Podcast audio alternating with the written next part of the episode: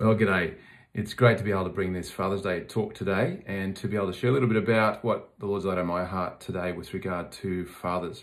I want to start off by saying I affirm fathers as uh, an awesome role, and it's just amazing, I think, that when you consider what dads have to do in this modern world, it's quite a challenge. And then we've got the the COVID lockdown and the pandemic pandemic that's been going on, and it's uh, pretty amazing. It's a huge thing.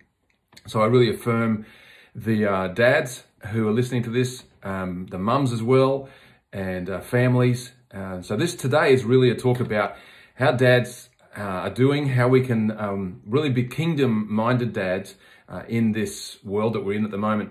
So I'm going to take us through some notes, some things that I've got that I've, I feel God's laid on my heart today. Um, but I just want to say, first of all, that, that I'm just an ordinary dad, um, that I'm a bloke, a human being just like you. And uh, I just want to pray that the Holy Spirit would really impact you today and, and that you would receive something from, from Him uh, for you that uh, you can receive from Him today. And you might say, oh, who's this David Breen bloke? And, and I'd agree. And I say, who am I? Just, just a man. But I would really want to say, let the Holy Spirit speak to you today and, and uh, bring to you something that you can take away from today. So let's just do a silent prayer for a moment. And I'm going to pray a prayer and I'm going to pray this. I'm going to pray, Lord Jesus Christ, I ask you to speak to me today and reveal to me something from your word and by the power of your spirit so that I might live in the truth of who I am in Christ. So if you can pray that today and receive from him through ordinary old me, that would be great. So here we go. So we're going to read from Luke 10, 1 through 24. So if you've got your Bible, it'd be great if you could take that and uh, find Luke chapter 10. Now this is a story of where Jesus was uh, sending his disciples out to go and to basically proclaim the kingdom of God and then to heal people and and uh, do amazing things. But I want to focus on the last few verses. So rather than read the whole thing, I'm just going to read the last little bit from verse 17. So Luke 10, starting at verse 17. But it's worth reading the whole thing from 1 through 24. When the 70 missionaries returned to Jesus, they were ecstatic with joy, telling him, Lord, even the demons obeyed us when we commanded them in your name. And Jesus replied, while you were ministering, I watched Satan topple until he fell suddenly from heaven like lightning to the ground. Now you understand that I have imparted you with all authority to trample over his, his kingdom. You will trample upon every demon before you and, and overcome every power Satan possesses. Absolutely nothing will be able to harm you as you walk in this authority. However, your real source of joy isn't merely that your spirit that these spirits submit to your authority, but that your names are written in the journals of heaven and that you belong to God's kingdom. This is the true source of your authority. So, the three things that I want to focus on today are these the identity issues that we have as men, the father heart of God, and humility and honesty. So, they are really critical things that I want to bring out of uh, this passage and also from some of my experiences as being a dad. Now, I've got four children, they're young adults, and my youngest is 21 and soon to be married, we've just heard in December, which is all very exciting. So, first of all, our identity in Christ. So, if we don't know who we are, um, it will affect many things. It will affect our self esteem, our relationship to our spouse, if we have one, and how we treat our children, and how we relate to God as our Father. Identity is such an important basis for our faith. And it needs to be our focus and so that we understand what does this mean.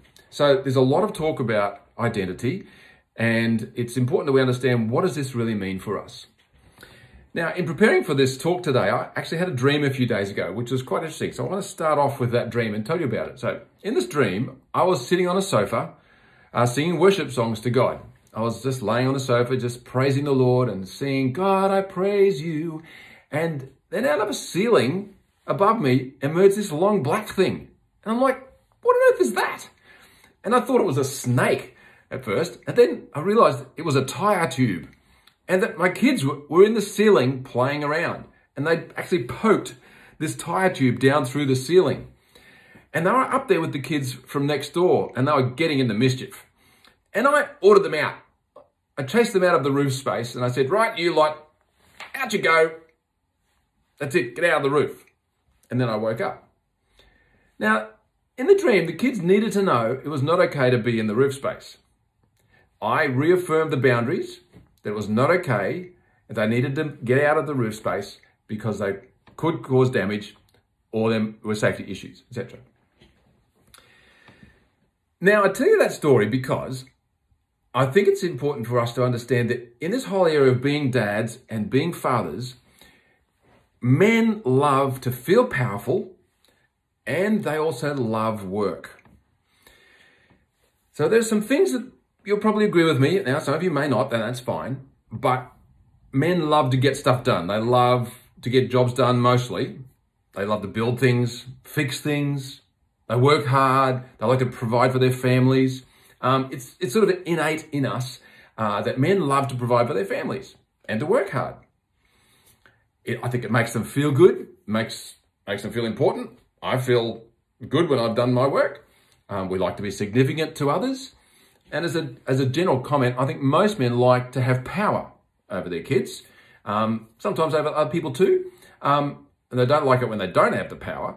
Um, and they might like to have power over other people too, like their spouse or their co-workers or something. But we also may feel very vulnerable and angry because when work or power is taken away from us, for example, like in the pandemic and during this lockdown, we can feel powerless because we can't do anything about it. And the loss of power can be very painful. So for men, this issue of power, like I had to tell those kids to get out of the roof space, is actually quite important to us. But we also like to get a lot of work done. Now, these things about working hard and power are important issues with regard to identity. And I'm going to explain more about that soon. Now, in the dream, I was able to tell the children, get out of the roof space, you're causing damage, and it's unsafe. It was right for me to do that and to be in charge of the family and the home and to say you need to get out. Now, but the problem with power sometimes is it can be abused and it can have a very negative effect upon people, especially children. Um, and there can be long-term damage if it's not used correctly. Now, the interesting thing is that often when there are power issues, pain can be behind that, and we can use power incorrectly. So if you're in pain or you're anxious or you're angry about the world at the moment, um, it's important to be self-aware and to look at the issue of power and of what's coming out of that. And because these issues of identity and, and a sense of power can drive us to do things that we maybe shouldn't be doing or wouldn't ordinarily do. Um, and so understanding how to correctly respond to children who are doing things like being in the roof and damaging things and how to do that correctly is important and how to respond to other people as well. So let's have a look at what Jesus did and how he discussed power. So in our reading today, we can see that Jesus talked to his disciples about power uh, and about the correct use of it. So this is the affirmation. This is what Jesus was doing. Jesus sent them out to work. He said, yep, work is a good thing. So it's right for us as men to work. It's right for us as the children of God created in God's image, man or woman, to work. God created us to work and he affirmed that. He sent them out to do work, the work of the kingdom. Now, whether you're working in a church or whether you're working in an office, whether you're working on a building site, whether you're working in the garden, whether you're working uh, in a school, teaching, administration, what in a classroom, whatever you're doing, in a nurse, in a hospital, anything, God has created us to work. And it says uh, in Genesis 1 that God created man in the, in the garden to work the garden and to give the plants and animals names. And then in Ephesians 2.10, Paul says, we are created for good works in Christ Jesus. So doing work is good. Jesus affirms that. Secondly, Jesus affirmed power as being an aspect of who we are as men of God or women of God. That having power over the demons of hell is a critical part that plays out of who we are as, as the people of God. Now, the important thing, as I alluded to earlier, it's important that our, our power is directed against the true enemy, which are the demons of hell and Satan himself. So that is Satan and his minions are the ones that we have power over and that we should be exercising our power towards. We're not attacking people, we are attacking and ruling over the demons of hell because that's what's behind all things that are negative, all things that are against us, and the things that are causing the circumstances in which we're finding ourselves today. There is a demonic activity behind what is happening. So all of us have the power of the spirit over the demonic. We are powerful people. There's no doubt about it. You can say that to yourself if you like. I am powerful because Jesus Christ lives in you, the Holy Spirit. If he dwells in you, you have power. The power of God dwells in you and me because the Holy Spirit has come to live within us. That is God's gift to us.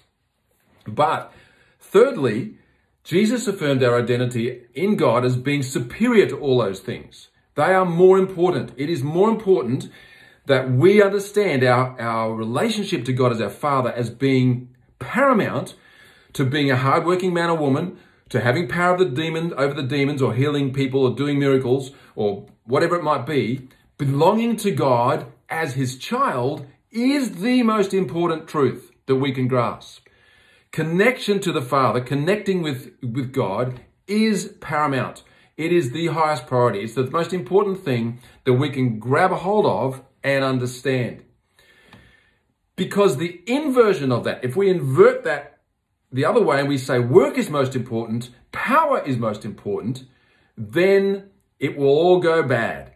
It will actually hurt people. It will actually um, be abuse. That is, if we make work and power more important, we will use them improperly or incorrectly.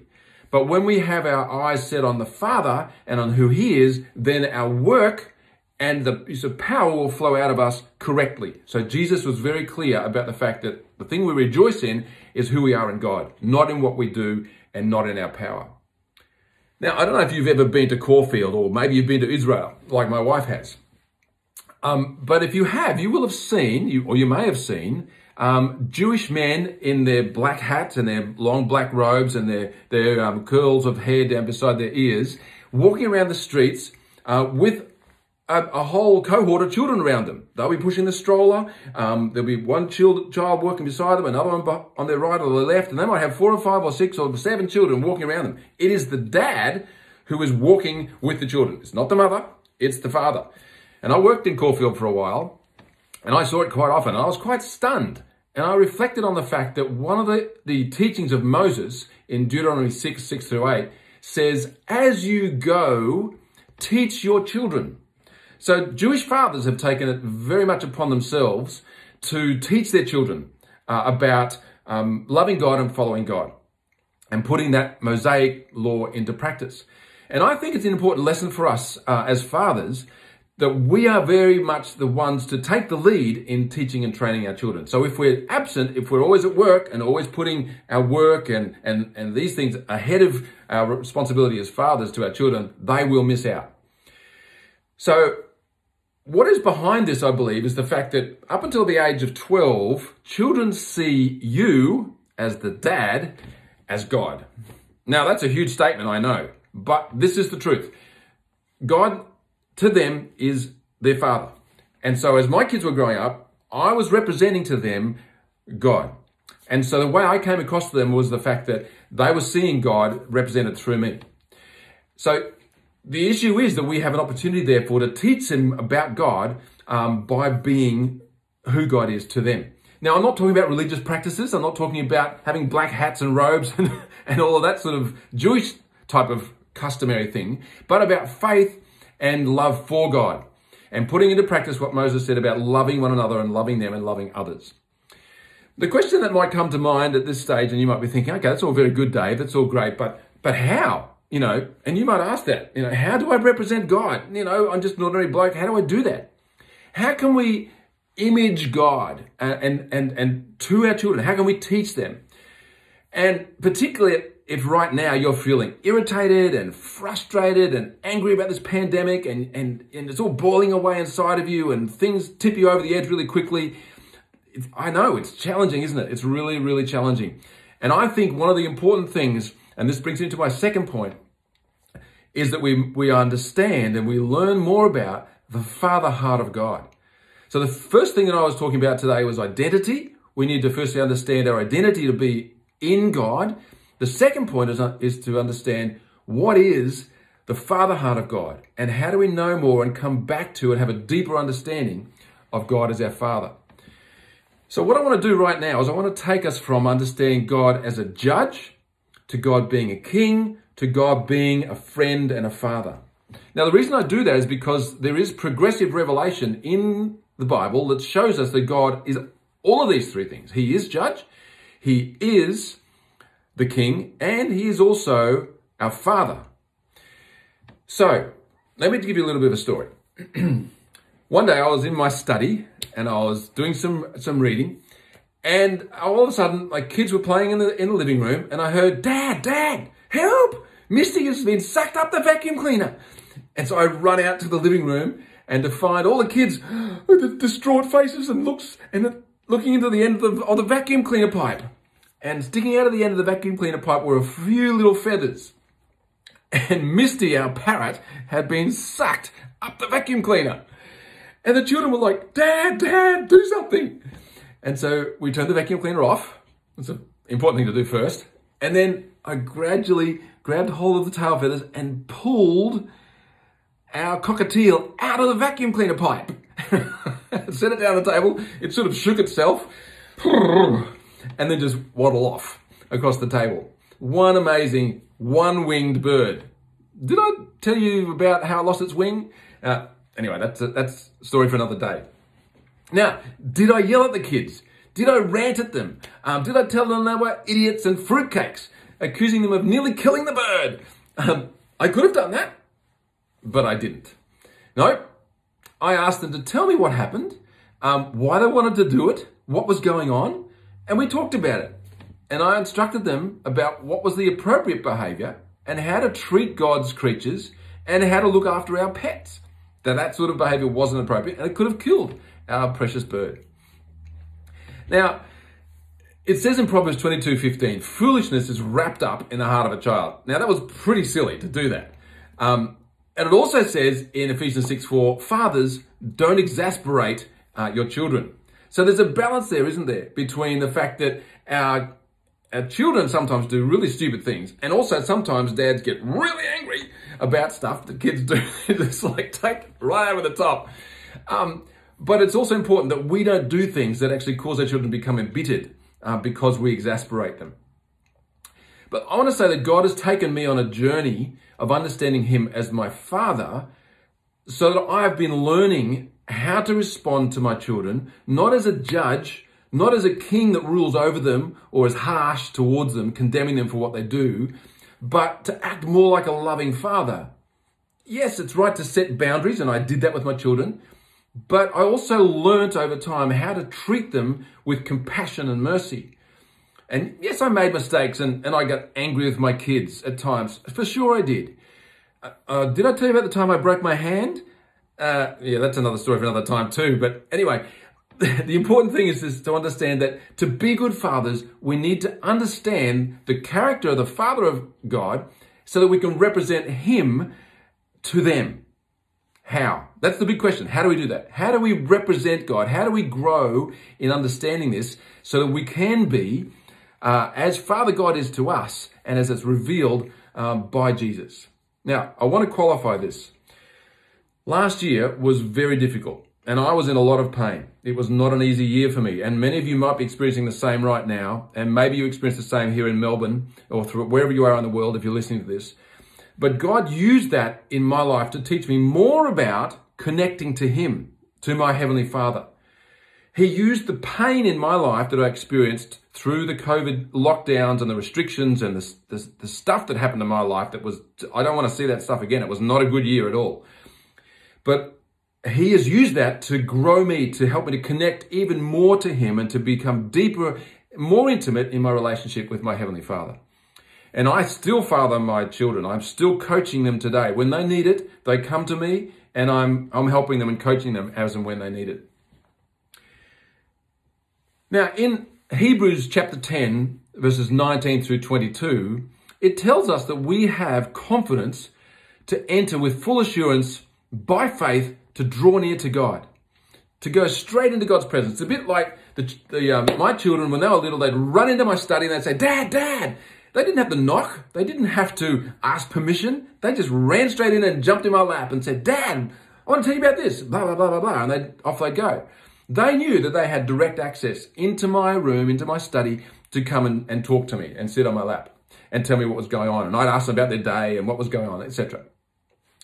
So that is the image of what we're seeing in, in Hebrews is that God is saying, you can now come boldly into my presence and be with me, talk to me about it, sit on my lap and be intimate with me as my child, as my son. But intimacy with the Father is not a given. It's not just, oh, that automatically happens because you're a Christian or because you're, you're a human being. You automatically understand how to be intimate with the Father or how to enjoy God's presence like that. I don't take that for granted that you might understand that or that I did. It's been a process. It has been a lesson that I've learned and walked through. So the question is, how do you see God? You might see him as judge, you might see him as king, or you might see him as the father. Let's look at those three things. First of all, in Psalm 7, verse 11, it says, God is a righteous judge, God who displays his wrath every day. Now you might say, is God angry? It sounds like God is really ticked off and he's really angry about everything because that's what the Bible revealed. That God was really angry with the Israelites for their sin. Then in Daniel 5, verse 21, Nebuchadnezzar learned that the Most High rules as king over the kingdoms of the world and appoints anyone he desires to rule over them. So we see there that God is declaring to him, to Nebuchadnezzar, I am the king, even greater than you. I set the rules. I am the one that governs the whole of the earth. Uh, God is king. And so you might say, okay, God sets the rules. I believe that it's right. He rules over me. Therefore, I need to rule over my family. Um, and the question needs to be asked, are the rules the most important thing? Maybe they are. We need boundaries. Children need boundaries. They need to know what's right and wrong. It's right to have that authority in the, in the home. But thirdly, in John 17, 24, Jesus says, Father, I want those you've given me to be with me where I am, that they may see the glory you gave me because you loved me before the foundation of the world. So do you see God as a father like Jesus did, who has always loved and cherished you and wants you? So it's really interesting, isn't it, to see that in the Bible, we've got this progressive revelation of God being a righteous judge over Israel, of being a high king over the whole earth, and now Jesus revealing him to us as the wonderful, compassionate, cherished Father who loves us just like he loved Jesus. So we need to move from one to the other. So if we have God in our mind as being judge and king, it's important for us to move towards him and understand him as a loving father. And we need to keep moving towards him as a father. More and more intimacy, more and more understanding of how his wonderful love and his deep desire for us and his how he cherishes us is, is increasing and ongoing. And we need to have more understanding of that and drawing closer to him. Still seeing him as, a, as understanding him in his role as a judge and a king, but understanding the intimacy that Jesus has given to us through what he did for us. And that he's set that example and showed us that Jesus that is the way to the Father and that we can access him. But what interesting is interesting is the fact that our experiences on earth of our own our own earthly father affect our mental picture and our belief in our mind's eye about God. So you might see God in a particular way and not really even be aware of it because the way you see your earthly father has affected how you see um, your heavenly father. And that then plays out in how you treat others and how you treat your kids, uh, how you treat other people, because you only see God as a judge or you only see him as a king setting rules. And so the, the change in our minds and our understanding and our perspective of what God is like will actually also change how we treat other people. And Jesus actually said to us that we need to treat other people and be perfect like our Heavenly Father is perfect. Now, He's perfect in His love and His compassion and His mercy. Therefore, we also need to be perfect in our love and our compassion and our mercy towards others. So, in reflecting on that, I think it's good for us to say, how do we treat our kids? How are we interacting with them? Are we harsh? Are we avoiding them? Are we overruling them? Do we get angry easily with them? What behavior are we um, evidencing towards them. What needs to change? And then I think the big question, question behind that is what is in your heart that is damaged or distorted about Father God that affects your behavior? What are the things that have you've experienced? What are the things that you've had in your mind that have, you've been through that needs to change, needs to be transformed? And the power of God can do that for you. My third point today is, is on this whole thing about humility and honesty. When we've been through things that have affected who we are as people, it's really important for us to be honest. Now, I must admit, as a man, uh, at times it's hard for me to be really honest about what's going on inside here and inside my head. It's, it's not always easy to open up and say, hey, I'm struggling with what's happening inside my mind or what's happening inside of me. And particularly in these, these difficult and grievous times, it's, it's hard for us to open up and to say, actually, I need help. I'm not doing so well. But it's really important. Now, we might have children who are babies, we might have children that are teenagers, we might have grown kids, or we might have grandkids. It doesn't matter what stage of life we're at. The Holy Spirit is still wanting to, ch- to change, to purify, to, to impact us to become more and more like our Heavenly Father. He wants us to become more like Him. But we need each other. And at this time when, with this pandemic, it's really more difficult because we often get separated from each other. We can't spend time closely with each other. But we still need to be open and honest. And we need to, ha- to find answers to what's going on inside our lives that might be causing behavior in our home or in our lives that actually is having a negative effect upon our children. So maybe you're spending a lot of time away. Maybe you're at work a lot. Maybe you get angry easily. Uh, maybe you're not approachable. Uh, maybe you're very much about the rules in the household, and and uh, or maybe you don't have any rules and just let them do whatever they like. You know, wh- what are the things that are that are affecting your family that that need to change? And and if if we find that our if we look back and see what were our fathers like, what was our experience with our own earthly fathers? He was absent, or he was cruel, or he was he was just gave into everything. You know, those things will affect how we see ourselves and our heavenly Father, and then how we will behave towards others and towards our children.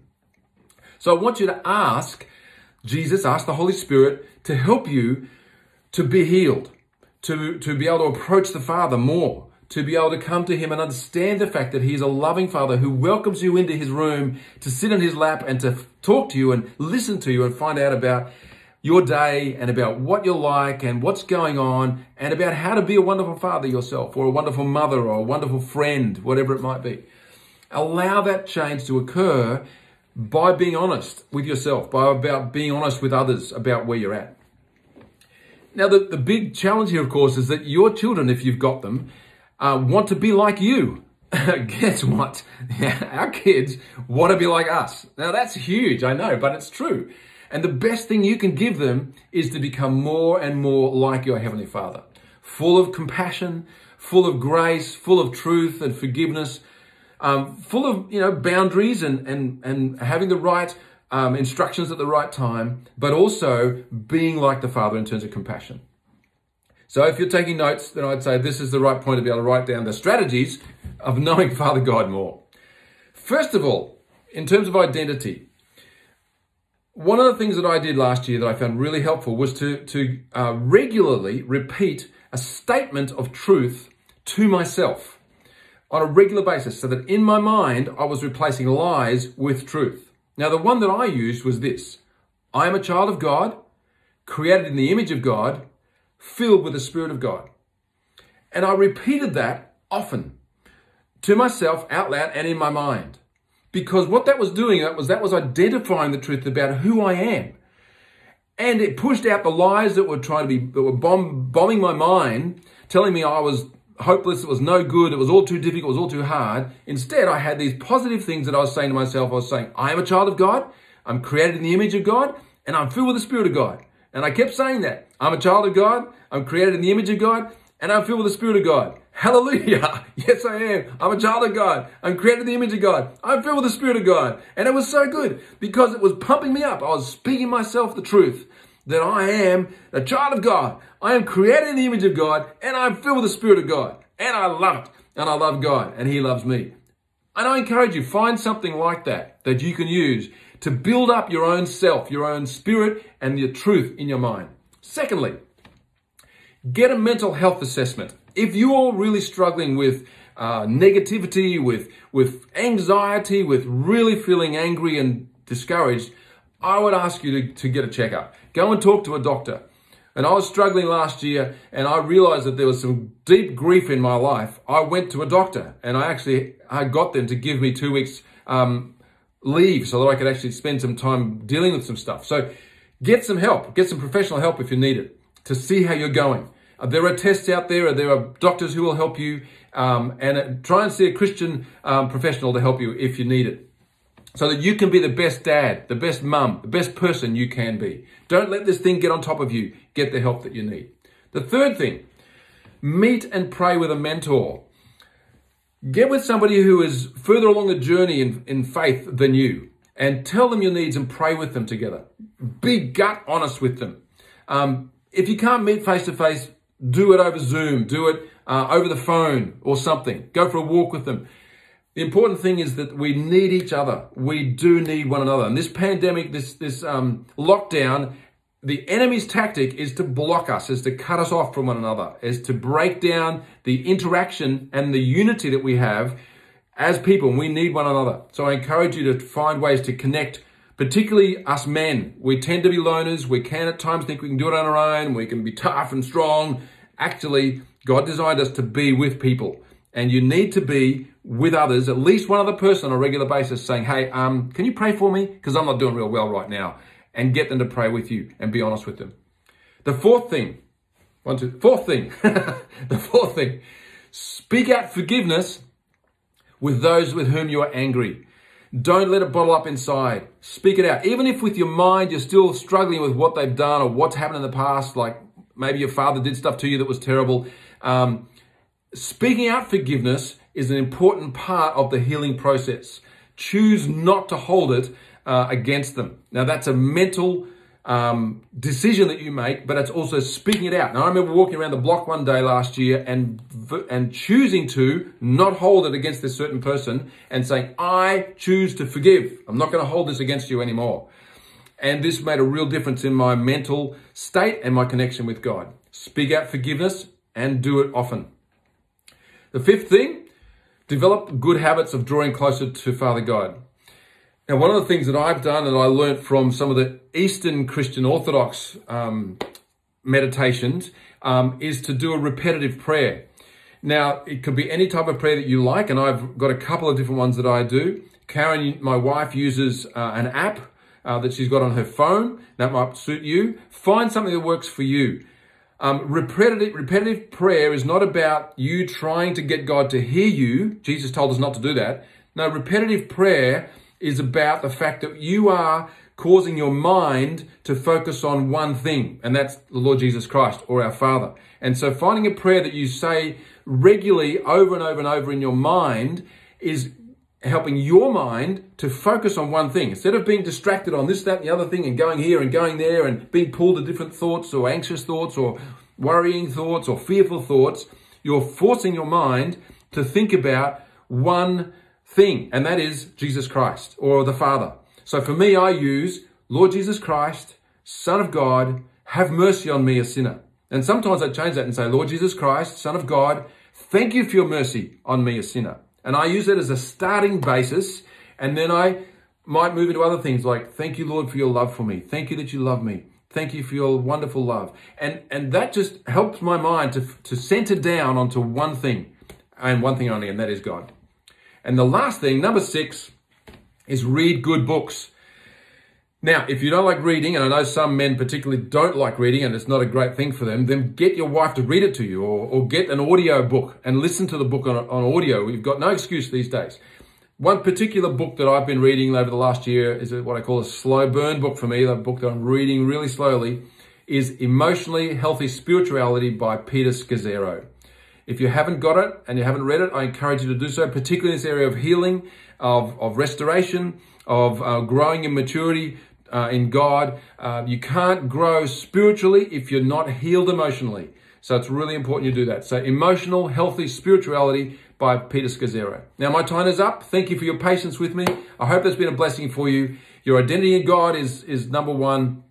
Number two, the Father of God is, is critical to your understanding of how to relate uh, to your children. And then thirdly, be open and honest in every way you can. So thanks for being with me today. I pray a blessing on you um, that you might go in the power of the Holy Spirit and know His love and be a great Father. I bless you on this Father's Day. May you know the joy and the love of the Heavenly Father to you in everything you do. God bless you.